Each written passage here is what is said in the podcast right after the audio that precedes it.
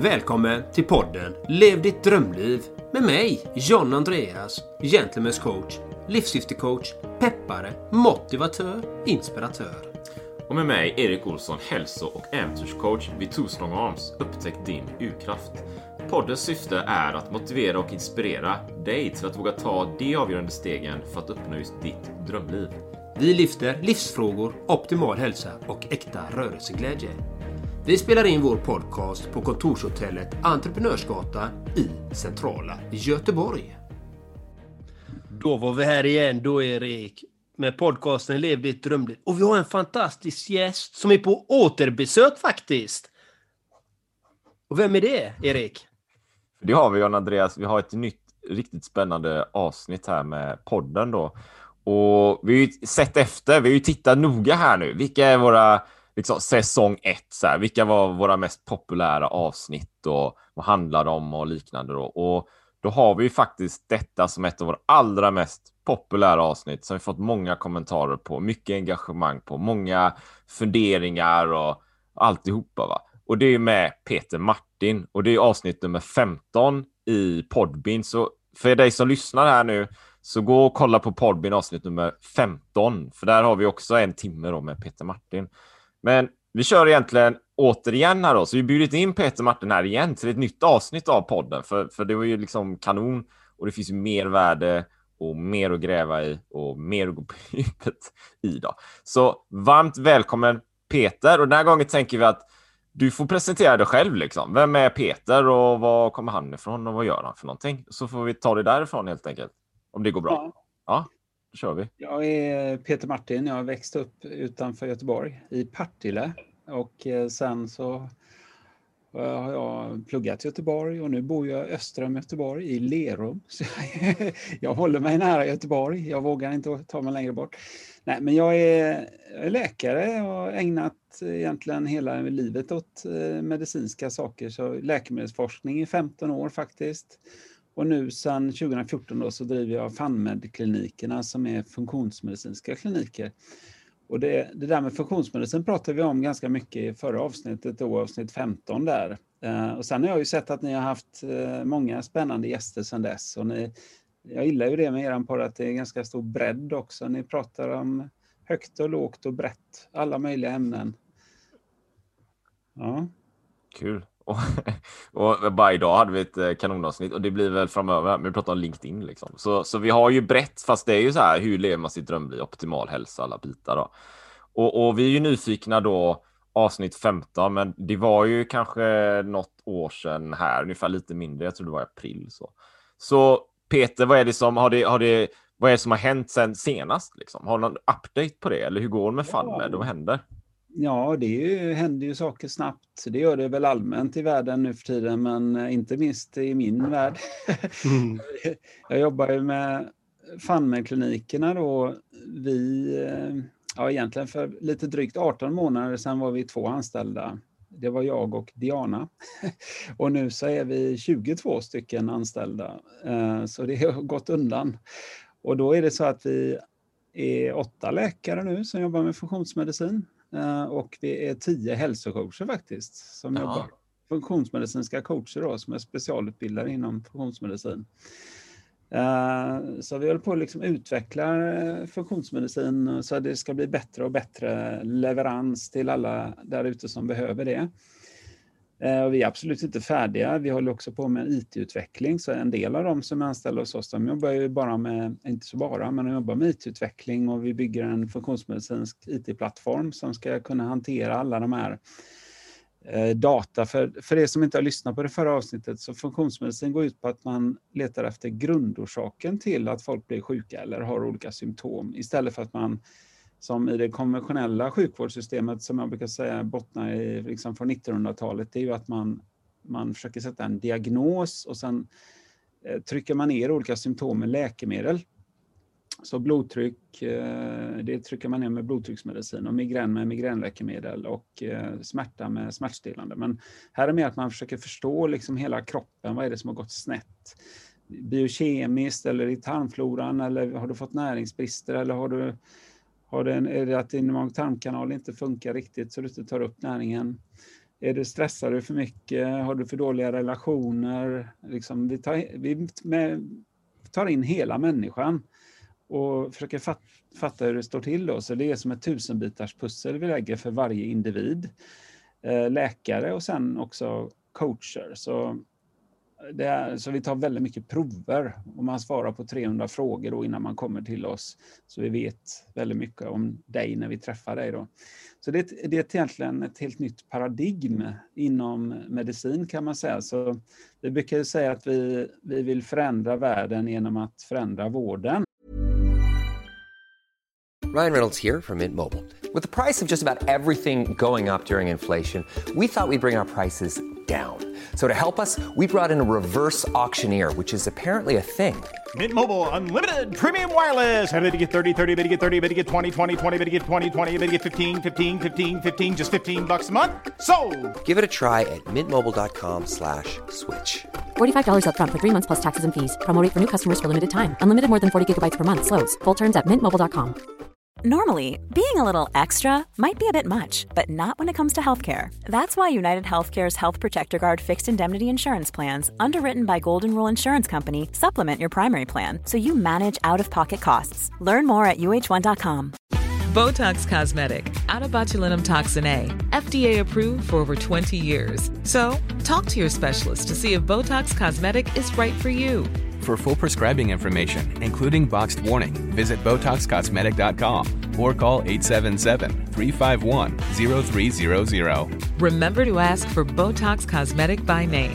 To see for yourself and learn more, visit BotoxCosmetic.com. That's BotoxCosmetic.com. Och, eh, mm, eh, och vi har faktiskt, jag vet när vi spelade in det avsnittet senast, då pratade jag om att det var ett franchiseupplägg, eh, att läkarna jobbade som franchisetagare i FunMed. Det mm, märkte vi sen att det kanske inte skulle hålla rent så här, Skatteverket skulle kanske inte gilla det upplägget riktigt. Så vi slutar med det. Och sen så har det kommit nya data som säger att Skatteverket kanske visst tycker att det borde vara okej okay då enligt någon eh, dom och så. så att, men det spelar ingen roll. Vi har i alla fall gått ifrån det. Vi har anställt våra läkare istället och coacher och det tycker vi är en bättre modell nu för då håller vi ihop företaget bättre. Liksom. Vi kan jobba mycket tajtare. Så vi har ju grymt eh, liksom, intern, eh, intern kommunikation, sån här eh, intranät. Liksom, alla läkare och coacher det bara bubblar av information. Vi lär oss saker, vi lyssnar på poddar. Det är mycket amerikanska funktionsmedicinska poddar. Ehm, det är liksom biokemi, det är nya labb, labbanalyser vi tar in. Och så skriver man där och lär av varandra. Så det blir en väldigt, det blir mycket roligare än att sitta själv och jobba med detta. Ungefär som du och Jonna, Erik och Jonna Andreas, ni samarbetar liksom. Det, det blir mer då när man är fler, eller hur? Mm, absolut. Det är mycket roligare också framför allt. Mm. Ja, det är ju det. Än, än, att göra det helt själv. Det blir någonting annat. Det blir en annan energi och mer kunskap och mer visdom och mer att lära ut också. För man lär ju sig mer själv. Ja. Så yes. det, det, är jättekul. Men en fråga, du som är läkare här nu, nu är det ju covid och så. Hur ser ni på det här med vaccinering och sånt? Det är kanske mm. en privat fråga? ja. ja, det är ju det är en känslig fråga får man säga. Det, folk går ju igång på det. Mm. Och vi får ju många sådana frågor och vi förväntar oss då liksom ha något svar på det. Men jag måste säga att den frågan är ju rätt eh, komplex. Det är inte så lätt egentligen. Utan det korta svaret är väl egentligen då eh, att det beror på. Eh, precis som det är i funktionsmedicin, vi vill ju individualisera allting. Vi ger ju inte samma behandling till två personer med samma, ens om de har samma sjukdom eller problem. De kan vara deprimerade men de får helt olika behandling då, för att det beror på vad som ligger under där. Och likadant är det då med vaccination. Då jag kan bara resonera i allmänna ordalag. Dels så visst, det är ju lite nya, en, en ny princip av vissa vaccin då, till exempel det här mRNA-vaccinet från Pfizer. Så det är ju det är en ny princip som inte använt förut. Men då kan ju en del tycka att ja, men det är ju bra, då skickar man ju bara in ett mRNA och så bildas det bara vissa protein av det här eh, elaka viruset då. Istället för om man fick viruset, då bildas det massa, massa protein som, som kan trigga immunförsvaret på många olika sätt. Då. Så man kan liksom vända på det och säga att ja, det kanske är snällare att få vaccinet än att få covid. Eh, men vi är kanske... Man, för folk som, där man kanske är lite, lite så här oroliga för, det är ju de som har autoimmuna sjukdomar och som har ett obalanserat immunförsvar. Där det skulle kunna triggas då av att man får vaccinet. Men det kan ju också triggas av att man får covid. Då. Så vad är värst? Det är väldigt svårt att veta i dagsläget. Mm. tycker vi. Så vi landar ju mycket i det här då att, att vad är svaret egentligen på den här eh, pandemin som vi står i? Vad är, vad är det vi behöver göra? Ja, det är, vi behöver ha en friskare befolkning som, som tål att få det här viruset och inte bli jättesjuka. För det verkar ju ändå komma mer och mer data som visar att de som har D-vitaminbrist eh, och andra näringsbrister kanske också. Och de som är metabolt sjuka och de som har kraftigt överviktiga som har hamnat i, i sådana återvändsgränder, liksom, de, de blir mycket sjukare. Och de, eh, de hade inte behövt bli det, de alla, allra flesta, om de hade varit friska i grunden. Då. Så vi, vi landar i det här att ja, vi kan liksom inte hålla på och hålla att vi ska hålla på och vaccinera befolkningen som en del. En del tror att man behöver ta vaccin varje år eller, eller kanske flera gånger varje år för att hålla sig immun. Då. Det där är en jättemaskineri. Det, är det inte bättre att vi försöker få befolkningen lite frisk? Hur, eh, mm, hur eh, en, en tanke där då, för, för ibland, jag kan ju utan att gå på djupet med vaccinationens vara eller icke vara sådär, men att det kan, vara, det kan framstå lite som att man sätter ett plåster på en amputerad arm. Liksom. Eh, att egentligen så är problemet kanske någon annanstans. Sådär, men, men, men du från ditt perspektiv då Peter, märker du att det är liksom en diskussion där ute om att boosta liksom hälsan och immunförsvaret liksom naturligt sådär? Eller är det mer kanske diskussionen att ja, men man tar vaccin och det, annars är det som det brukar vara? Liksom? Mm. Men det, är, det är ju det att hela det medicinska paradigmet, det, de, där tänker man inte så mycket på, på just näringsämnen eller den metabola hälsan och motverkar den och jobbar förebyggande. Men det finns just, nu finns det ju, liksom i England delar man ju ut D-vitamin till äldre människor gratis och det finns andra eh, länder där man också har tagit sådana, jag kommer inte ihåg vilket land det var, men där man också har delat ut mm. det gratis då. Jo, det var nog i, i södra Spanien tror jag faktiskt man har gjort det också. Och, och där man har sett liksom skillnader i hur sjuka folk blir. Uh, men uh, så jag tycker att man är lite för långsam med det här. Man, man hade mycket väl kunnat gå på D-vitaminspåret och höja upp nivån i befolkningen. Så här, vi, nu spelar vi in detta i februari. Det, nu har vi låga D-vitaminnivåer. De, vi har inte bildat någon D-vitamin sedan i liksom, augusti-september någon gång eh, på våra breddgrader.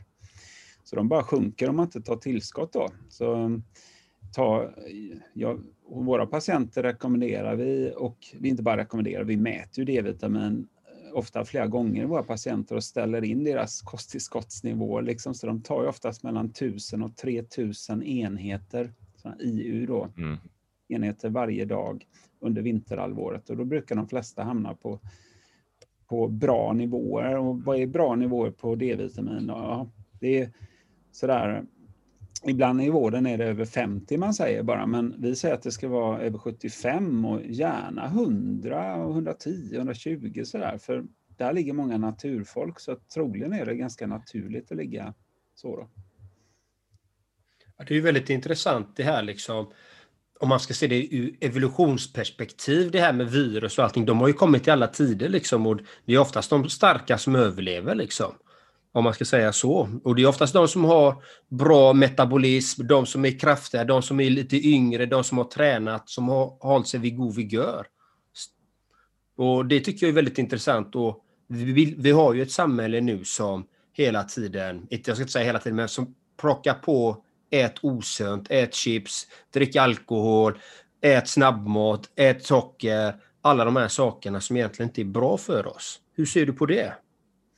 Nej, men det, till syvende och sist är det ett samhällsproblem att media flest, mesta av den här, eller väldigt mycket av reklamen kring mat och så i media, det är ju inte någonting nyttigt man gör reklam för, utan det är ju, det är ju sånt som ger snabba kickar och, och som vi alla, det är ju inte, och det kommer ni kanske ihåg från förra avsnittet när vi pratat i funktionsmedicin så skuldbelägger vi aldrig våra patienter eller klienter så, utan det är ju inte deras fel. De som är eh, överviktiga, har metabol ohälsa och näringsbrist, det är inte deras fel. Det är ju samhällets fel och att man har hamnat i en miljö där våran art helt enkelt inte kan hålla sig frisk. Eh, men däremot måste vi, vi kan inte bara acceptera att, att, det, att det fortgår. Vi måste ju jobba emot det och vi pratar om det i poddar och, och få folk att liksom förstå lite själva hur det, eller tänka till och kanske inse att oj, det här är nog inte så bra som det är, vi måste göra någonting åt det. Sen är det ju väldigt svårt då när all den här reklamen och median det finns väldigt mycket pengar i, i de stora livsmedelsföretagen till exempel som, som kan eh, men, men vi kan rösta med vår plånbok. Det kan vi göra. Vi kan helt enkelt eh, välja att köpa det som, lägga lite mer pengar på lite bättre mat helt enkelt. Eller äta lite mindre ibland. Ja, fast då måste man, ska man äta mindre så måste man nog äta någonting som inte bara ger en snabb eh, kick, utan det ska vara något som ordentligt med protein varje dag, för det är väldigt mättande. Och det kan göra att man får ett jämnare blodsocker, mindre svängningar och mindre sug. Och så inte vara rädd för fett heller, vi är ganska fettskrämda så. De allra flesta hade behövt dra ner lite, lite på sina kolhydrater och äta mer fett och protein i vårt samhälle. Ja, men det är precis. Ja, ta det då Erik. Ja. Kör, det. kör, kör. Vet, vet du vad jag gjorde då Peter? Jag, jag, hade, jag har haft två veckor. Efter två veckor med energin har liksom sjunkit så här. Jag bara, vad är det som pågår liksom? Hjärnan funkar inte riktigt och så här. Och, Ja, jag vet inte. Jag kan det är stressigt kanske. Det är mycket som händer. Ja, kanske. Och, och jag, men så tänker jag, men jag har höjt träningsdosen också rejält. Liksom. Mm. Jag, jag ligger på, jag vet, ja, fem, sex timmar i veckan någonting, kanske nu eller någonting. Liksom. Och då är det intensiv styrka och kettlebell och det är cykel och det är löpning och jag vill gärna göra något varje dag. Kan jag göra något annat då? Så slog det mig innan körde jag så här bulletproof kaffe eller bara fettkaffe. Men jag ska testa det. Jag testade igår en dag, experiment en dag liksom. Och det, jag körde ju idag med då, men det kanske ändå kan vara någonting. Jag går tillbaka till basic och så testar jag det igen. För en, det kanske är hjärnan bara saknar energi på morgonen. Liksom. Mm. Så jag körde med min kaffe så här, så mixer så, så zoom, zoom. Och så i med stor socker, eller inte socker, en fettbit liksom, smör. och då bara, ja, men nu funkar ju hjärnan igen liksom. Eh, det kändes så. Eh, och idag tyckte jag också det var rätt bra. Vi körde ett poddavsnitt idag. Jag kände hjärnan var ju med liksom. Mm. Eh, men du kanske har någon insyn i det också då Peter, som läkare. Vi ska ju prata lite om utmattning och träning och sånt också då, lite konkreta mm. grejer liksom. Men, men fett kaffe liksom, en energidos på morgonen. Vad har du för tankar om det? Nej, men jag har ju många patienter som, som kör det. Um, och allting här det handlar om att huvudbudskapet när det gäller kost är att man ska prova olika saker för att se vad som passar just dig liksom, som lyssnar nu då. För det är, man kan höra massa saker. Ni hör på Erik säger en sak och John Andreas en sak och jag säger en sak och någon annan säger en annan sak. Men du måste testa vad som passar just dig. Men det är ingen annan som kan testa åt dig, det måste du göra själv. Då måste man ju ändra på någonting, för annars kommer ingenting hända. Så eh, man kan göra sådana saker som att man väljer att äta utan gluten och mejeriprodukter i en månad till exempel. Man tar bort det helt och hållet. Alltså alla mejeriprodukter. Man kan till och med ta bort smör ett tag, några veckor då, för att inte äta något protein alls. Så kan man faktiskt känna skillnader i kroppen på den här månaden. Och sen efter en månad så så börjar man äta kanske ja, smör och så testa vad, vad det nu är man vill, ost eller crème fraîche eller vad det är. Och så ser man hur man mår då i några dagar, tre dagar kanske. Och sen kanske man, man kan testa att äta gluten igen då och se om man reagerar på det. Och då är det många som reagerar. Och det är det som kallas för eliminationskost. Det man eliminerar någonting, man tar bort någonting ur kosten under en begränsad tid. Det är som ett experiment man gör då. Eh, så det, det där är ju väldigt kraftfullt. Och sen just det här att man, som du, när man börjar med fettkaffe där, det passar ju många väldigt bra. Eh, för att då kommer du liksom från nattens vila. Man tänker när vi var ute i naturen så började vi aldrig med en jättestor frukost, för vi hade inte mat antagligen. Utan vi var tvungna ut i gryningen, upp och stå, Eh, inte gå fram till kylen, nej, utan man gick ut i naturen och samlade allt man hittade, liksom ägg och rötter och man kanske var på jakt och jagade i gryningen vid vattenhålet. eller någonting. Och sen, sen åt man och sen vilar man efter det. Och det är många som glömmer den lilla biten också, att man ska vila. Så jag tycker det är så intressant när man lägger sig på rygg efter att man ätit lunch till exempel. Lägger sig på rygg, verkligen slappnar av. Då hör man hur det kurrar i tarmarna. Då drar de igång liksom. Nu är det våran eh, våran eh, tid eh, tänker de. då. Men det är väldigt få som gör det nu för tiden. Det är typ siestan i Spanien och så. Sen annars i vår kultur så ska man sitta vid skrivbordet direkt efter lunchen. Eh, tar du eh, sådana naps efter maten? Eh, ja, jag har gjort det mer tidigare faktiskt. Alltså nu senaste åren här. Då gjorde jag det um, ja, i början när jag började med funktionsmedicin, eftersom jag har varit utmattad själv, då var jag inte riktigt frisk, så att då var jag tvungen att ta naps liksom för att orka med dagarna. Nu behöver jag inte det på samma sätt, så att nu är det mer... Nu måste jag nog tänka mig för liksom, liksom att ja, det är bra att bromsa. Det är bra att ta en napp. Idag har jag gjort det till exempel, jag jobbar hemifrån idag, liksom, då har jag lagt mig på sängen efter lunch här i eh, en kvart och bara försökt att meditera, liksom slappna av. Och då hände precis det. Att då hör man ju hur magen blir glad. Ja, personligen så gör jag också alltid det när jag arbetar hemifrån faktiskt. Efter lunchen så brukar jag alltid vila minst en halvtimme, lägga mig på rygg. Och det, även om jag inte är trött så vet jag att kroppen behöver det och gör det ändå. Mm. Och det är väldigt skönt faktiskt, för man får mer energi och kroppen bearbetar ju maten liksom. Mm. Det går åt mycket energi till det, så det känner man ju, känner jag väldigt ofta att det gör skillnad i mitt liv i alla fall. Och det, det är ett bra tips för dig som lyssnar faktiskt, att ta de här powernapsen efter lunchen till exempel. Några, några minuter, det, det, gör skillnad. Mm. Men hur ser en eh, dag ut för dig kostmässigt då? Ja, det beror ju lite på sådär. Jag, jag kommer ihåg själv när jag upptäckte funktionsmedicin då, och snackade med med en funktionsmedicinare och vi åt lunch och så. Och så hade jag liksom börjat lära mig lite om det här och då, då blev jag så förvånad för han åt liksom bröd och sånt och det hade jag ju förstått att gluten var ju inte så bra och så. Så jag frågade honom om det, men du äter bröd? Så här, ja, ja, men någonting man gör någon gång ibland det är väl inte så farligt, sa han då sådär. Ja.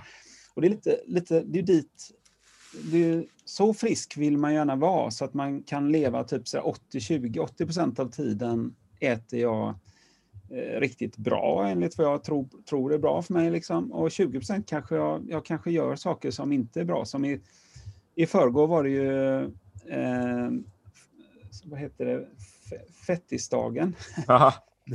Då åt jag en semla liksom.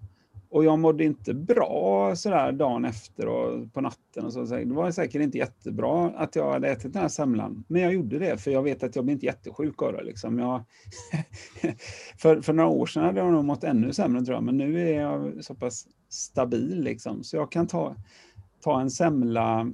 Eh, och det var rätt roligt. Vi hade ett webbinar igår faktiskt med, ja det är galet intresse nu för det vi håller på med. Det var nästan 3000 anmälda som ville höra på det fantastiska ämnet SIBO, eh, en överväxt av bakterier i tunntarmen. 3000 anmälde sig till att lyssna på, på liksom man pratar om bakterier i tunntarmen. Men då, då eh, berättade jag det då att jag hade käkat semla dagen innan, så frågade jag de andra i FunMed som var med, för det är många som sitter och svarar på frågor och så här, coacherna. Då frågade de hur många som hade käkat en semla dagen innan. Och alla sex bara skakar på huvudet. Ingen har ätit en semla. Så de är liksom lite renlevnadsmänniskor så här, och hälsonördar. Men jag, jag har ju kommit hit än att jag, jag kan käka liksom nästan vad som helst ibland, men jag gör ju inte det. Jag gör det inte hela tiden och jag vet att om jag ska göra något riktigt viktigt eller prestera någonting eller jag måste jobba väldigt hårt en period, då äter jag ju faktiskt Eh, ja, det klinaste för mig det är att jag käkar egentligen carnivorkost. Jag käkar bara fett och kött och alltså mycket fett, talg, ister. Det kan vara smör, men kött och liksom inga, faktiskt inga kolhydrater, inga grönsaker eller någonting. Då funkar jag som allra bäst. Då blir det liksom ketos, om man äter tillräckligt mycket fett då, ketogen kost. Och så ingenting som kan störa, ingenting som skapar något sug eller något sånt, utan då, då vet jag, för prestation så funkar det väldigt bra för mig. Då kanske jag gör det några dagar innan jag ska prestera riktigt högt. Så. Mm. Jag, jag, tänker där, och, och för lyssnarna här, där, där det som Peter berättar där, tror jag är väldigt viktigt. Jag tror det är väldigt bra värde där. Eh, för alltså, jag kan ju, jag eh, kör ju primal paleo på det sättet. Eh, jag kör 80-20, så ibland kan jag också äta någon semla liksom, och ett bröd och sådär. Men jag kan ju känna av det då på kvällen, dagen efter. Magen är ju lite knepig liksom. Det är ju någonting. Jag är inte 100, jag kanske är 80 procent så. Men, men jag ska också erkänna så här då i podden att om det är en större grej, stor presentation eller jag ska köra, jag ska köra ett lopp liksom. Jag ska köra en halvmara eller någonting. Då kan jag ju, och det här, det här det är ju intressant för dig då John Andreas, det här är ju mental träning liksom. Då kan jag ju ibland eh, halka på det här. Jag vet att jag borde äta cleant. För det är där jag får, alltså om hjärnan funkar, bam. Men jag kan ju snä, snä, ibland halka dit istället och trycka i mig något, kanske inte, inte det värsta liksom, men eh, choklad eller någonting bara för att lugna nerverna liksom. Med, då betalar jag ju priset dagen efter egentligen när jag ska göra den här grejen och hjärnan inte är 100 utan den är 80 då. Sådär. Ja. Och det är ju en, pay, det är en trade-off liksom. Ja, visst. Som en delning. Så. Jag, ty jag, tycker det är väldigt intressant för jag var ju sjuk förra veckan. Jag hade hög feber i onsdags och jag spydde en hel del. Alltså, det, jag var helt utslagen en hel dag. Jag eh, var väldigt dålig. Och eh, dagen efter, det enda jag vill äta, jag äter ju väldigt sällan sån här mat. Jag ville bara äta pizza. Jag ville bara äta pizza. Jag hade inte ätit någonting. Hade inte jag gått och köpt en pizza så hade jag inte ätit någonting. Så att eh, då åkte jag och köpte en pizza och klämde i mig och jag mådde ändå bra dagen efter.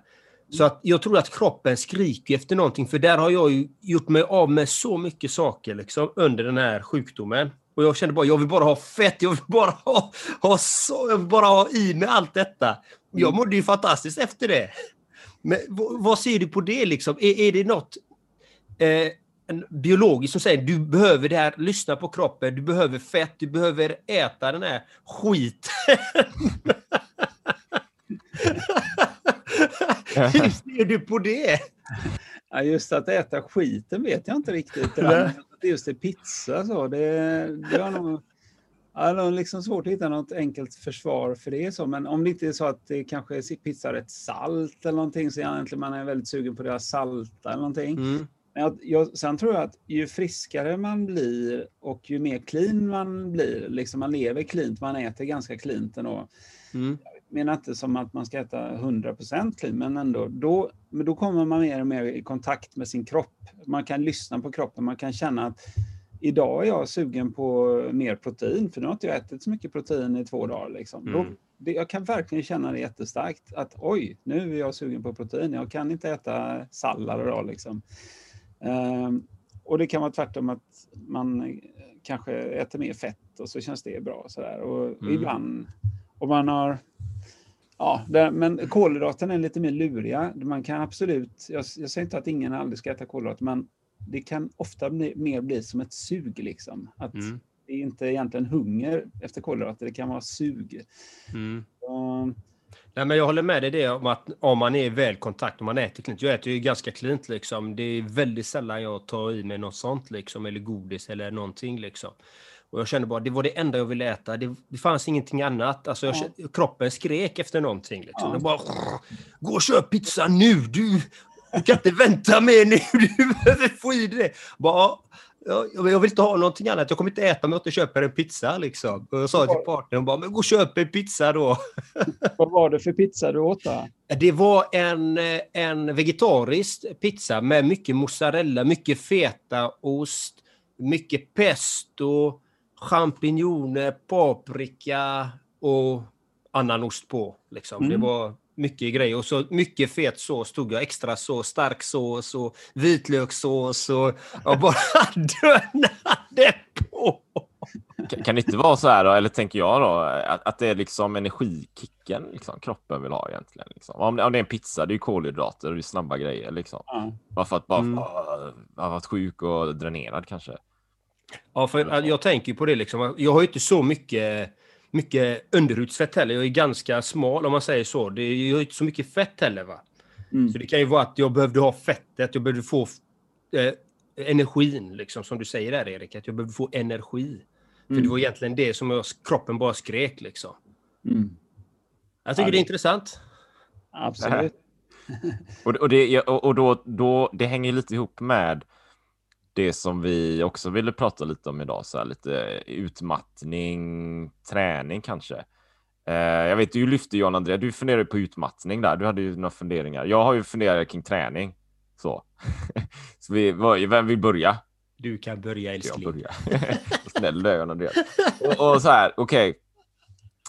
Eh, hur, hur liksom eh, för prestation då, Peter, liksom, eh, lite kring det och för att liksom maximera sin träningseffekt kanske.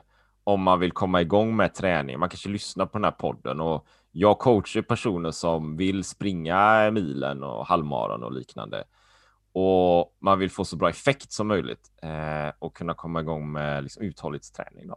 Vad har du för tankar kring det? Så här? Och hur ska man börja liksom, med, med ja, hur de bitarna hänger ihop? Så? Lite bred fråga kanske. Men... Mm. Jag tror dels så är min inställning till uthållighetsträning, de här lite mer extrema grejerna, är att det faktiskt inte alltid har med hälsa att göra. Nej, det kan vara tvärtom kanske. Nej, men sen, sen är det klart att jag säger inte att man inte, inte ska göra det och det är ju fantastiskt att kunna göra det. Och det om, man, om man kan göra det, uthållighetsträning och liksom klara det, återhämta sig och så, det kan ju vara ett starkt hälsotecken också att man, man lyckas med det. Och jag tycker att det kan ju vara som en del i målet då. Jag ska klara av att göra en, ett maraton eller triathlon eller vad det nu är, swimrun eller någonting. Och då vill jag då måste jag ju också vara frisk och stark för att klara det. Det är inte bara så att jag ska pressa mig till det med min eh, liksom, kroppen håller på att falla sönder, för det kommer jag aldrig lyckas med. Utan då ska man ju också, det roliga är att det för med sig ett hälsofokus. Mm. Det gäller att ha en bra grundhälsa, precis som man behöver ha det om man får covid, behöver man ha det om man ska göra ett maraton. Mm. Och då gäller det att man skaffar sig en bra näringstät kost som är anpassad efter, efter träningen. Och det gäller att, en viktig sak är förstås att man måste få i sig protein. Det är ju liksom strukturen, det som bygger upp musklerna. Det är många hormoner, det är proteiner, hela mycket i matsmältningskanalen. Det har med enzymer och sånt. Det är, det, det, eller, ja, det är proteiner liksom. Och då måste man ju få i sig protein. Och det mest lättupptagliga proteinet är ju från kött och fisk och ägg och så. Eh, mejerier om man tål det. Mm. Så gäller att äta det ordentligt. Och, och ska man bygga muskler och så, då vill man ju få i sig så här 30 gram protein varje måltid. Mm.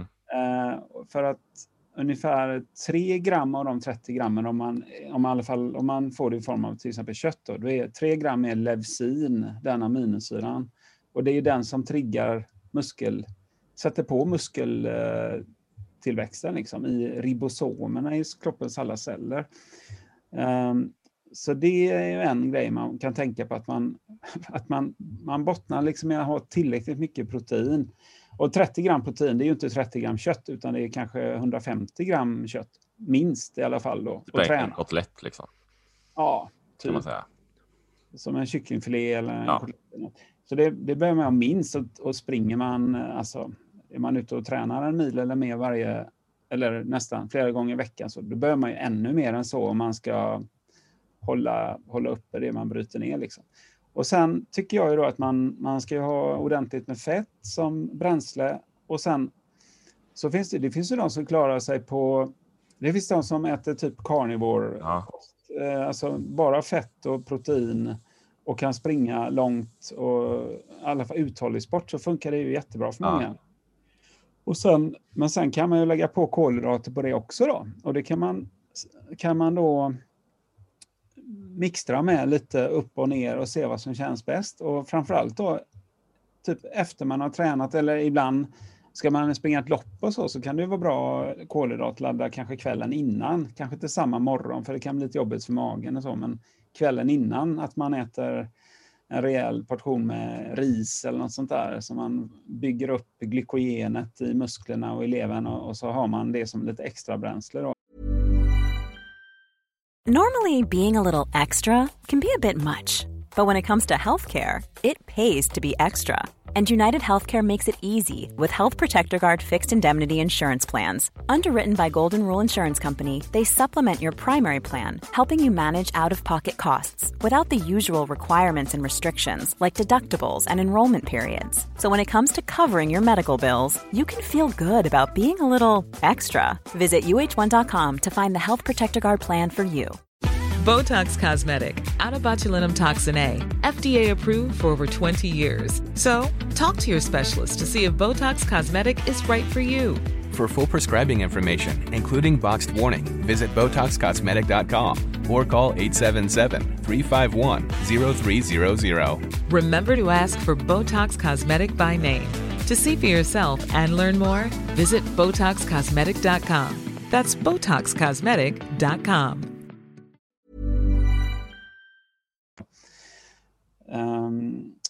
men uh, lite så att man, att man, nej, all, all den här skräpmaten, liksom, tänker pommes frites friterat i växtolja, det ska man hålla sig borta från för det är rent inflammatoriskt. Liksom. Det är Aha. de här växtoljorna, sojaolja, majsolja, solrosolja, bort från dem. Sky dem som pesten. De förgiftar oss långsamt. Eh, socker likadant, det kan man ju eh, käka lite då och då, men eh, att ta det som någon sorts...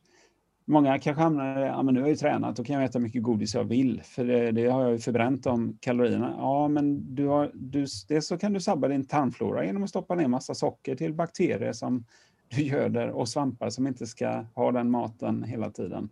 Men också att du då kan, eh, kan få liksom väldiga svängningar i insulin och blodsocker. Då. En, en, en, en, du har ju en uh, Oura-ring, tror jag, eller hur? Och det, jag har ju också en sån. Uh, Ja, skaffat det så liksom. Och sen har man så här träningsappar på mobil och sånt. Och Mm. där, där står det ofta, okej, nu har du sprungit, wow, och så du har förbränt så många, så många kalorier liksom. Ja, okej. Eh, traditionellt då så kanske man tänker sig, ja, men då måste du ju äta motsvarande kalorier ungefär sådär. Va? Men, men jag finner ju att i, i verkligheten, även om jag springer en halvmara här, okej, just efter en två, tre timmar kanske, då kan jag vara väldigt hungrig. Men den totala kalorimängden jag får i mig skiljer sig egentligen inte nämnvärt från jag tycker, hur jag upplever att det brukar vara från dag till dag. Jag äter ungefär lika mycket, fast jag kanske äter mer koncentrerat efter måltiden och skippar frukosten. Så här. Vad, vad tänker du kring det? Är det så att ja, men om du nu tränar, du springer en mil om dagen, då ska du äta, jag vet inte, 3-4 tusen kalorier om dagen. Liksom. Det, det kan ju vara ganska en, energitätt, det är ganska stora måltider. Det kan vara fett då, men ändå. Ska man, ska man tänka att man ska öka kalorierna eller ska man bara köra på känsla då? Jag, jag tror att i grunden så ska man ju kunna köpa känslan, men om du tränar så mycket då måste du vara noga med att du får i dig tillräckligt mycket. Och det kan vara svårt om man äter för få mål då, att man verkligen får i sig de kalorierna. Inte minst för att mag-tarmkanalen är inte dimensionerad för att äta, att du ska liksom springa en halvmara idag och så ska du äta en gång om dagen och så ska du få i dig all den. Liksom 4000 kalorier i en måltid är ju rätt tufft för den stackars mag-tarmkanalen som ska ha tillräckligt med saltsyra och enzymer och galla och ska bryta ner allt detta och så ska det tas in över mag-tarmkanalen. Så det är, jag tror att då behöver du äta eh, lite fler mål än, än i alla fall bara ett mål om du ska lyckas med Ja. det bra i längden.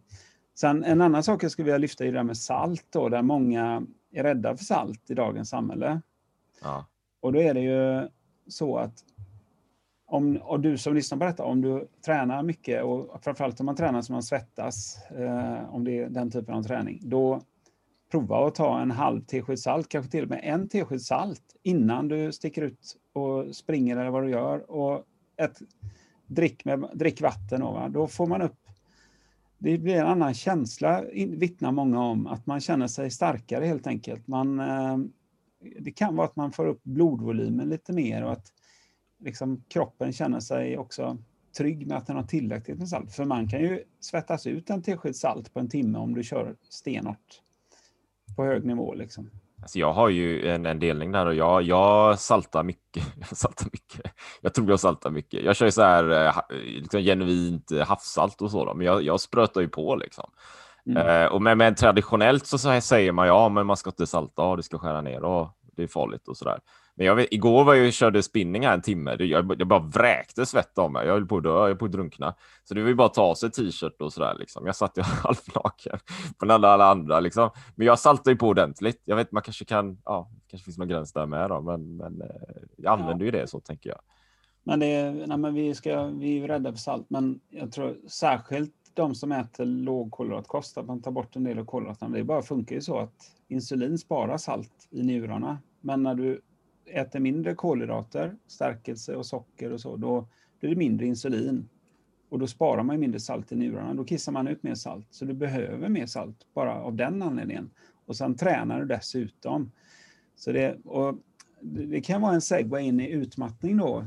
Eh, för att många av våra utmattade patienter, de rekommenderar vi också att äta salt. Då, för många av dem har lite lågt blodtryck. Man ska ju ha så 120 genom 80 är det övre och undre blodtrycket, då, det systoliska och det diastoliska blodtrycket. Det är sådär normalvärde brukar man prata om, 120 genom 80. Men de, många av de här som är utmattade, de kan ligga på kanske 100 eller en del ligger på 90 över 70, så 90 över 60. Ja, det är liksom, de ligger riktigt lågt blodtryck. Och det, ett sätt man kan märka det på är om, om man ställer sig upp snabbt så blir man helt yr. För kroppen orkar inte pressa upp blodet i hjärnan helt enkelt. Då. Mm. Så de mår, de mår ofta bättre på att äta mer salt också. Och samma sak där om man är utmattad så brukar vi ge, ge Eh, ett råd då som, är, som har väldigt stor effekt på många, det är att de kanske äter en vanlig svensk frukost när de kommer. De dricker apelsinjuice för de vill ha C-vitamin och de käkar en macka och de käkar någon sötad yoghurt och lite frukt och någon müsli och så på det. Liksom. Men det blir väldigt mycket kolhydrater i det, mycket socker faktiskt. Och då, då tar de bort det och så istället så käkar de typ en kycklingfilé eller något på morgonen eller eh, rester från eh, middagen. Det låter jättekonstigt för de som aldrig tänkt så, men bland våra patienter är det nästan standard att de, de allra flesta börjar ju liksom äta nästan frukosten ser inte ut som frukost. Det är bara det bara kallas för det, men det, det kan lika gärna vara samma mat som middagen. Liksom.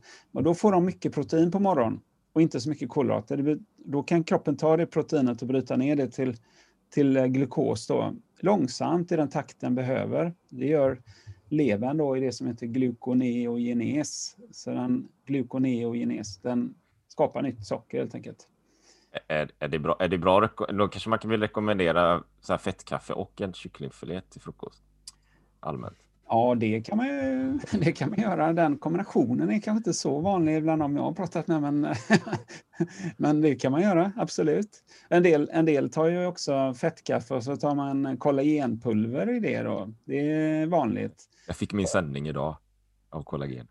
Jaha. Ja, ja nej, men, och då, ni er som aldrig har provat kollagenpulver, gör det. det är ju, om man ska träna då så är det ju jätteviktigt för eh, brosk och bindväv, senor och sånt är uppbyggda av kollagen. Det är det proteinet, det är inte musk vanliga muskelprotein utan det är ett annat protein. Och om man inte äter senor och brosk och ben och sånt som är uppbyggt av kollagen, då får man inte i sig så mycket av det. Så därför så kan man, och det kan vara svårt att äta det, då är det väldigt många som, som vi jobbar med som börjar ta kollagenpulver. Och vi har hört många historier om folk som har artros och så som får mindre smärta när de, när de tar eh, kollagen. Och det finns faktiskt vetenskapliga studier på det där man har gett vissa kollagenpulver och andra inte fått det och de har mindre smärta. Då. Jag tänkte på protein där.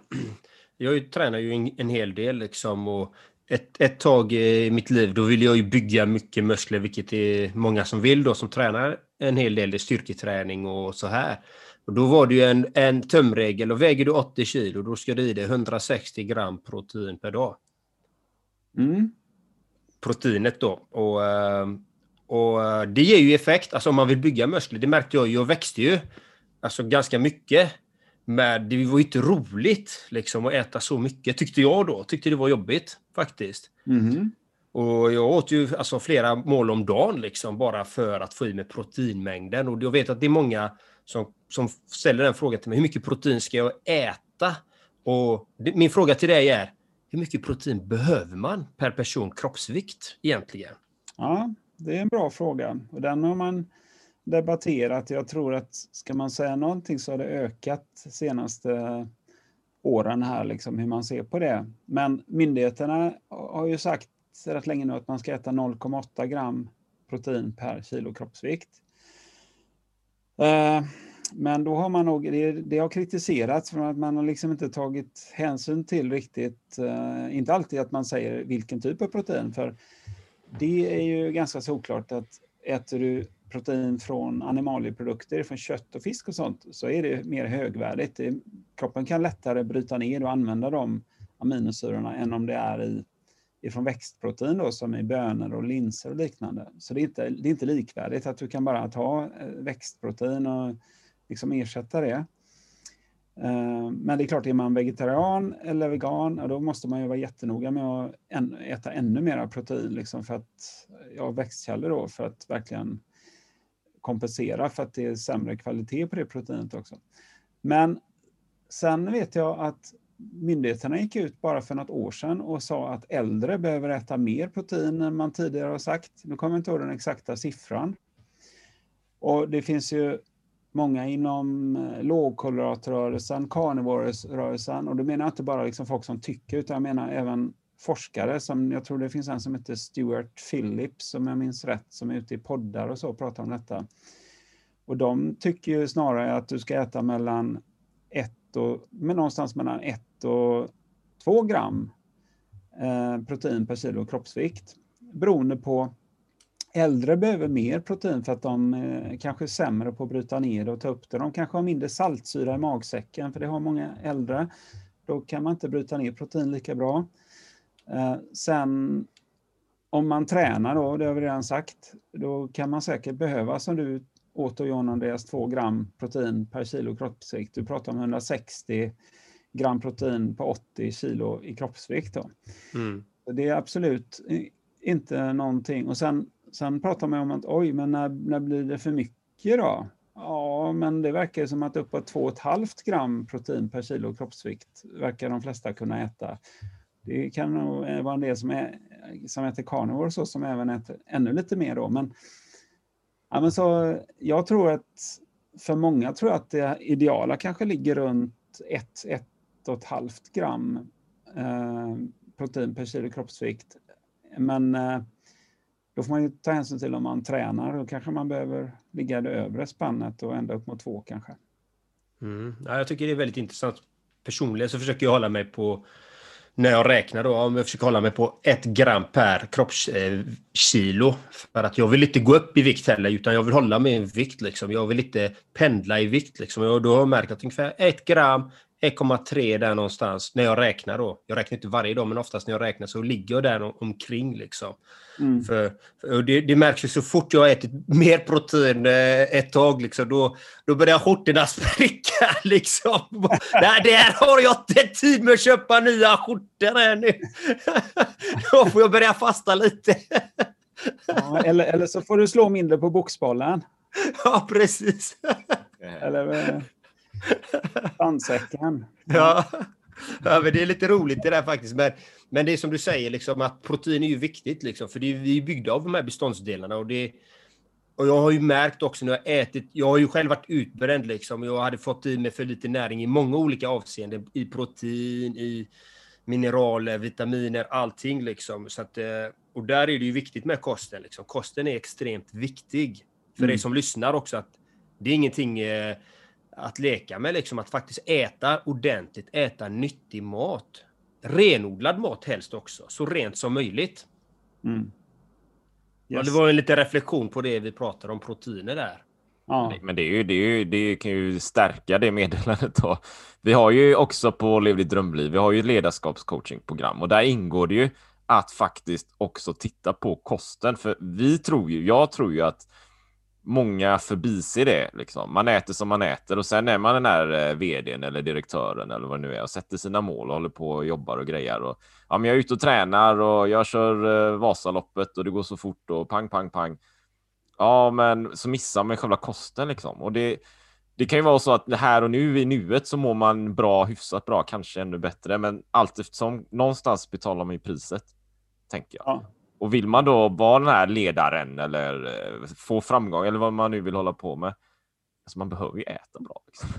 Det är ja. grunden. Eller?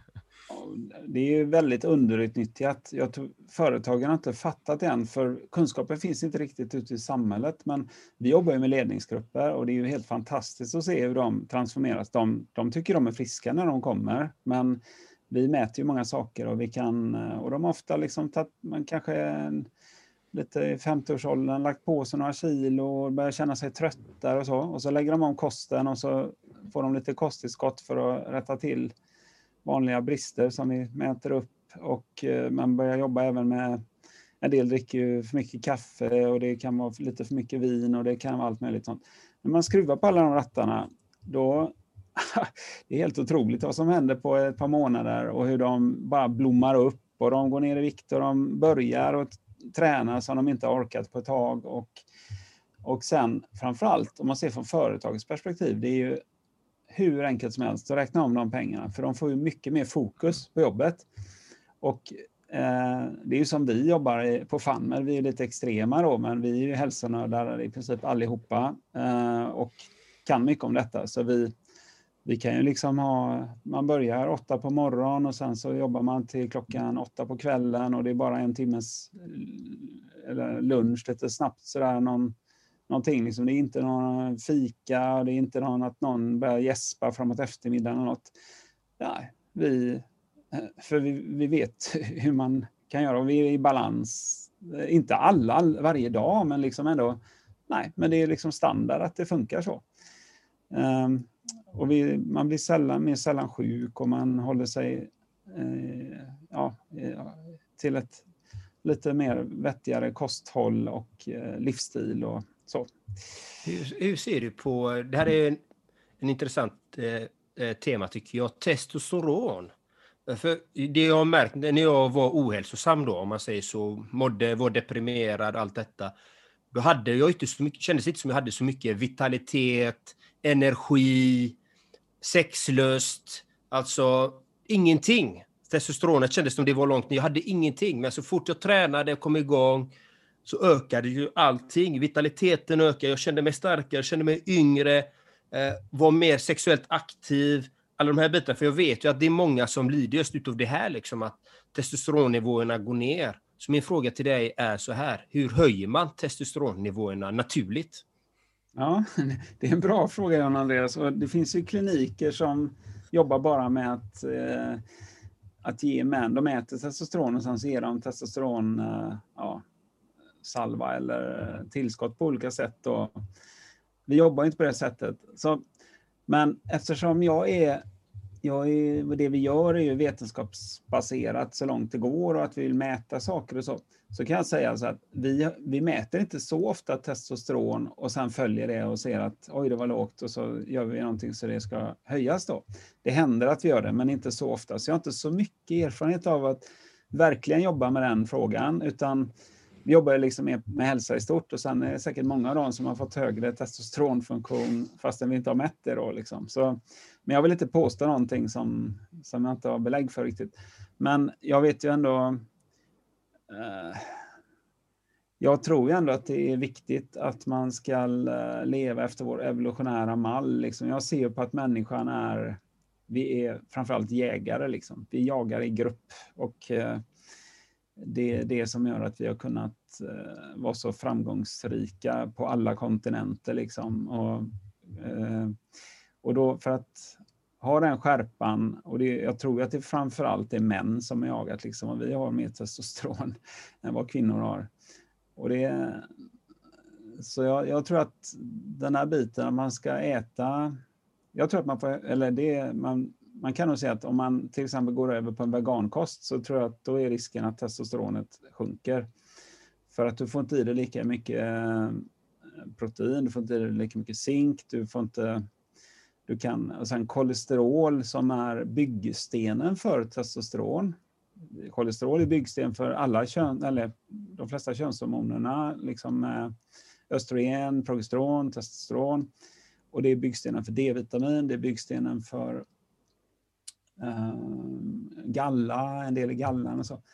Det där är, då måste man ju kunna, antingen så gör man eh, kolesterolet och det gör det, 80 procent av det gör ju kroppen själv, men 20 procent får du via kosten. Så, och det finns ju inte i några växter, kolesterol. Liksom, så det är också en, en koppling där, liksom att ska du göra testosteron så måste du ha byggstenar. Liksom. Och en del av det får du genom att du käkar kolesterol i kosten också. Då. Men jag är ingen expert på testosteron, John Andreas. Jag får nästan läsa på och komma tillbaka och berätta lite mer för dig om... Eh, om det, är, det, är inte bara för mig, utan det är för lyssnarna. Det är bara för John Andreas här faktiskt. Det är bara för mig, inte för någon annan. Ni som lyssnar, på med öronproppar här nu. Men när jag, när jag ser dig vid sandsäcken så tror jag inte du har för lite testosteron i alla fall. Nej, det har jag absolut inte. Men jag tycker det är väldigt intressant för jag, alltså jag har ju känt skillnad i min testosteronnivå. Den har varit ännu högre än vad den är idag. Och jag har väldigt hög än så länge. Men, men, men när du pratar om kolesterolet, proteinintaget och de här bitarna, då, då ramlar poletten ner. Det var jag kan säga, det var när jag åt två gram protein. Jag började min morgon med fem, sex kokta ägg varje dag. Och hela den biten. Så kolesterolet fick jag från äggen, proteinet, allt animaliskt, all fisk och allting som jag åt. Alltså det, det ökade ju liksom. Mm. Så att eh, du gav mig svaret redan. det är hur jag kan öka min testosteron, John Andreas. om, om lyssnarna också är intresserade av det så kan de ju ta till sig det rådet också. Ja. Men jag, jag, tyckte, jag tycker ja. en, grej, en grej här, vi har inte jättelång tid kvar på podden, men eh, en grej som är viktig det är ändå att många kanske inte fattar hur nära utmattning de är. Mm. Och det är bra att känna igen lite varningssignaler, tycker jag. Och det, det kan vara sånt där som att man ganska, och det kan gå långsamt, liksom, man glider in i det på något sätt. Men det kan vara att man har problem att koncentrera sig på jobbet till exempel. Du sitter i ett möte och börjar liksom zooma ut så här hela tiden för du, du orkar inte hålla fokus. Du kan känna att en klassiker är liksom post-it-syndromet. Du börjar behöva gå åt massa post-it-lappar för du måste skriva ner allting för att komma ihåg vad du ska göra istället för att bara parkera det i huvudet. Du känner kanske att du är ute och tränar och så börjar du bara bli helt skakig. Och det kunde jag känna när jag spelade innebandy då, innan jag blev utmattad. Liksom. Jag spelade en timme innebandy, det var skitkul, men jag blev helt skakig. Liksom. Jag nästan, kroppen sa ifrån, det här ska inte du göra, liksom, för jag pallar inte den stressen. Mm, mm. Och efter man har tränat kan man känna att jag kan inte återhämta mig riktigt. Det här, jag är fortfarande inte riktigt eh, återställd efter två dygn. Liksom. Då, nej, men då ska man inte fortsätta att pusha det. Då ska man ju lyssna på kroppen och backa istället och tänka att nu måste jag satsa på hälsa istället för prestationer. Liksom. Och sen är det sömnen, om man börjar typ vakna tidigt på morgonen eller man börjar sova dåligt. Och, eh, och där är en viktig del magnesium, att man tar magnesiumtillskott liksom för att testa och se om man kan eh, i rejäla doser liksom, man, som man kan, då sover man ofta bättre. Och sen kan det vara så här att du, du får ett mejl och så känner du bara, nej, inte ett mejl till. Liksom. Oh, det kom mera krav på mig nu. Jag kan, jag kan inte hantera mer nu. Ge mig inte mer att jobba med. Du har sådana små grejer. Man kan bli väldigt irriterad för små saker och så. Det är också... Eh, ja, och sen kan det gå ännu värre. Det kan ju vara sånt där som att man får ångest och depression och det kan vara en del i detta. Liksom.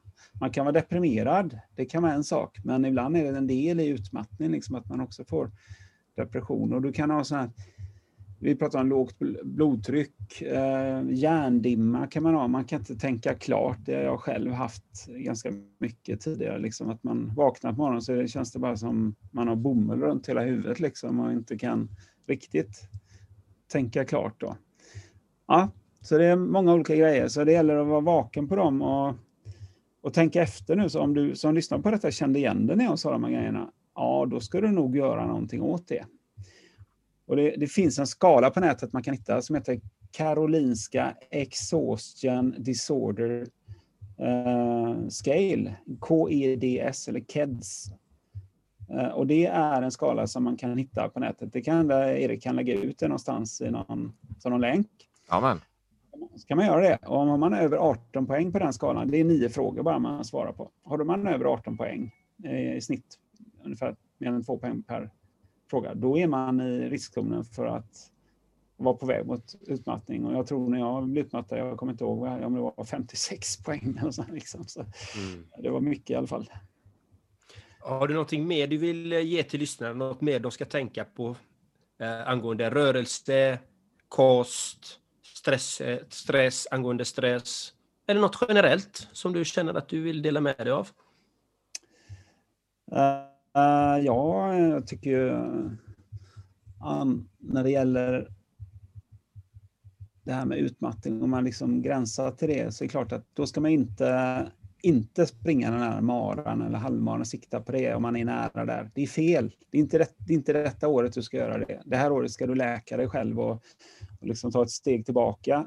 Och jag tänker som min psykolog sa till mig, som hade hjälp av när jag var utmattad, hon sa det, ja men livet, livet innehåller ju många kapitel Peter, du måste göra, inte göra allt i samma kapitel. Det här är en bok liksom. Nu, det här kapitlet, nu ska du läka dig själv. Liksom. Ja, Okej, okay, det var det kapitlet. Och lära dig om saker och ting. Och det gjorde jag. Mm. Uh, nu är det ett nytt kapitel. Nu har jag full, full fräs framåt här och, jobbar och grejar och, och så. Uh, vem vet, jag kanske springer ett maraton. Det har jag aldrig gjort, men det kanske blir nästa kapitel. så hur, hur lång tid tog det för dig att komma tillbaka från ett utmattningstillstånd, utbrändhet? Det tog ju, jag var sjukskriven i två år. Eh, mm. Och sista tiden höll jag på med arbetsträning då. Men, men det var ju när jag la om kosten till lågkolhydratkost som det började snabbt bli bättre då. Och sen, sen var det ytterligare kanske ett, två år av funktionsmedicin eh, som jag liksom jobbade med det och samtidigt läkte mig själv med det medan jag lärde mm. mig. Liksom. Tog mm. prover, tog kosttillskott, mediterade ännu mer och sådär. Um, då, det var, så tog det väl ett par par år till, men många vittnar om att de aldrig riktigt hämtar sig. De har alltid en stress, ökad stresskänslighet. Och det, så trodde jag jag skulle ha det resten av livet, men det har jag inte. För jag, jag, stress, jag är under mycket större stress nu än jag, var, än jag någonsin har varit. Eh, så jag pallar mer stress nu än jag någonsin har pallat. Och jag vet ju varför. Det är för att jag liksom jobbat... Jag gör väldigt mycket fel när det gäller stress, det vet jag, men jag gör väldigt mycket rätt. Mm. Andra saker rätt och då kan man tåla min stress. Liksom. Men jag tycker det är en... Eh, så det kan ta allt det... Jag tror att om man använder sig av funktionsmedicin fullt ut med allt det vi kan och gör liksom, och individualiserar och mäter saker, då kan det gå eh, betydligt snabbare och det ser jag att det gör hos våra patienter också. Eh, så det kan ju vara en grej om man, om man verkligen är, känner att man illa däran eller man, eh, man vill satsa egna pengar på sin hälsa. För det här kostar ju tiotusentals kronor att komma till oss än. Det är ju inte finansierat av skatten än, det är tyvärr. Men då, då kan man ju komma till FunMed. Man kan gå in på funmed.se och, och eh, läsa mer, anmäla sitt intresse. Man kan vara med på våra kostnadsfria webinars. Det ligger flera stycken på hemsidan. Man kan eh, lyssna på halvtimmeslånga eller timslånga föreläsningar eh, om olika ämnen. Eh, och sen så, ja, så, kan man ju då kanske snabbare ta sig tillbaka jag, om, man, om man gör på det sättet. Men sen är det bara så enkla grejer som man, man måste i dagens samhälle sätta upp ett staket runt sig själv, brukar jag säga. Du kan inte bara titta dig omkring och se liksom att göra som alla andra, för då blir du lika sjuk som alla andra. Och du, du mår lika dåligt som alla andra. Du måste tänka på vem är jag? Vad är det jag gillar att göra? Vad, vad, vad är det jag, när trivs jag? När, när hamnar jag liksom i det här guldläget att jag är glad och jag mm. spritter till? Liksom. Det är som till exempel när eh, min son spelade piano igår och jag gick och spelade lite med honom, liksom, så här, latcha lite. Då kände man wow, det här var ju mm. jättekul. Jag gör det lite för sällan, men det är liksom, ah, då vet jag, jag måste göra mer av det då. Eh, och sen säga nej. Vi måste ju... Det här staketbygget då, det gäller ju både kosten, att jag inte... Jag äter inte godiskålen bara för att den finns där alltid. Jag har ett staket där liksom. Nej, det tillhör inte mig. Jag går in, går in på ett café för att köpa en kaffe. Då köper jag inte en, en kaka också, för det finns inte i min värld att jag skulle göra det en vanlig dag. Liksom. Staketet finns där hela tiden och skyddar mig. I mentala staketet liksom. Och sen, eh, sen handlar det om att säga nej. Eh, att, att lära sig olika bra sätt att säga nej. Jag tycker, Erik, jag har läst, jag har läst en bok som heter Essentialism, eh, Essentialism. Och det var ett tag sedan, jag kommer inte ihåg nu, men där fanns typ flera uppslag. Här är typ åtta bra sätt att säga nej på. Eh, fast man gör det på ett respektfullt och trevligt sätt. Liksom. Så det är någonting som man kan, kan träna sig i också. Ja, det är ju väldigt viktigt, speciellt om man är utmattad och är stressad och pressad, för då säger man oftast ja till saker som inte är i linje med en själv. Alltså, det handlar ju om att säga nej och säga ja till sitt liv och till det man vill ha i sitt liv. Det är ju Mm. det som är skillnaden liksom. Och det är oftast det verktyget som många, alla, många missar och det är precis det jag coachar i liksom. Det handlar om ha- grundad i sin självkänsla i vem man är. Det är ju det jag coachar i i stort sett hela tiden. Ja. Att man ska veta vem man är. Säga nej till de sakerna som inte är i linje med en själv och säga ja till det man vill ha i livet. Och det är inte alltid lätt. Nej, men den där coachingen är ju så kraftfull då för att den är ju, vi pratar om kost och vi pratar om eh, mineraler och vitaminer och grejer här, men den här coachingen den, den påverkar en människa eh, från insidan som gör att hela livet kan bli annorlunda. För när du får en annan syn, annan syn på dig själv, då får du ett annat liv helt enkelt. Och du kan eh, ta helt andra beslut och du, du kan få ett mycket bättre liv. Det, det är som när jag gick till psykologen där och det är också en form av coaching när jag var utmattad. Det var, det var liksom några meningar hon sa några gånger som jag tar med mig resten av livet. Det har påverkat mitt sätt att se på livet. Liksom. Mm. Jag hade aldrig velat varit utan det. Liksom. Så, nej. Nej, men vad fint. Och vi, ska vi avrunda, avrunda nu eller har du någon mer fråga Erik? Nej, nej, jag hatar det faktiskt. Det är kanske bra att avrunda här då, men och, och för vi fick ju, jag, jag skrev ner här, Jordan, 10 tips fick vi där mot slutet av Peter. 10 tips eh, Okej. på hur man kan märka liksom eh, om man börjar bli utmattad, så här, allt från sömn och stresshantering och, och liknande. Då. Vi fick en skala där med eh, Karolinska Exhaustion Disorder Scale, tror jag den hette till och med. Exakt. Eh, och sen eh, staketet gillar jag väldigt mycket. Eh, faktiskt, en väldigt bra analogi där, eh, liknelse då. Så jag tänker det kanske är bra så faktiskt. Eh, och sen kan man ju nå Peter då genom fadmed.se. Vill du lägga till något mer där Peter? Hur man kan nå dig eller så? Ja, nej men Fadmed.se är bra. Eh, Själv är jag extremt bokad nu för det är så många olika processer jag är med i. Så. Eh, Men det är jättekul.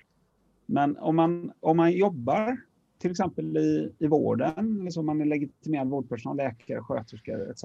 Då kan man ju titta på funktionsmedicinska vårdutbildningar som utbildar inom funktionsmedicin. Det är en onlinebaserad, sex månader lång utbildning som vi utbildat över 100 personer nu där och alla som jobbar hos oss har gått den utbildningen eller en annan utbildning som finns på Funktionsmedicinska institutet eller också på Paleo institut då, hos Jonas Bergqvist som inte Ja. har varit med i er podd än. Han kommer snart ska du se. kommer säkert. Han är på G.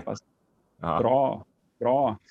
Eh, så det är det. Och sen har vi också en tidning som heter Hälsa och funktionsmedicin. Som eh, är jättekul. Den eh, eh, ser ut så här för er som inte har sett den. Och då är det, det är liksom vetenskapsbaserad eh, hälsa. Det är inga quick fixes. Det bygger på att man bygger hälsan från grunden. Och, och det är typ sånt vi har pratat om idag. Fast det är artiklar skrivna av landets bästa eh, hjärnor på de här områdena. Så kul. Världsklass. Eh, tusen tack för att du var med i podden idag Peter. Och för lyssnarna här som funderar, ja, men hur var det andra avsnittet? Ja, men titta på avsnitt 15 igen. Så har vi mer av Peter där. Kan man få två timmar till och med då totalt. Så tack för att du var med här eh, Peter och för lyssnarna får ni ha helt magiskt givetvis. Ha en fin dag. Tack så mycket. Ha det gott Tack. där ute allihopa. Hej.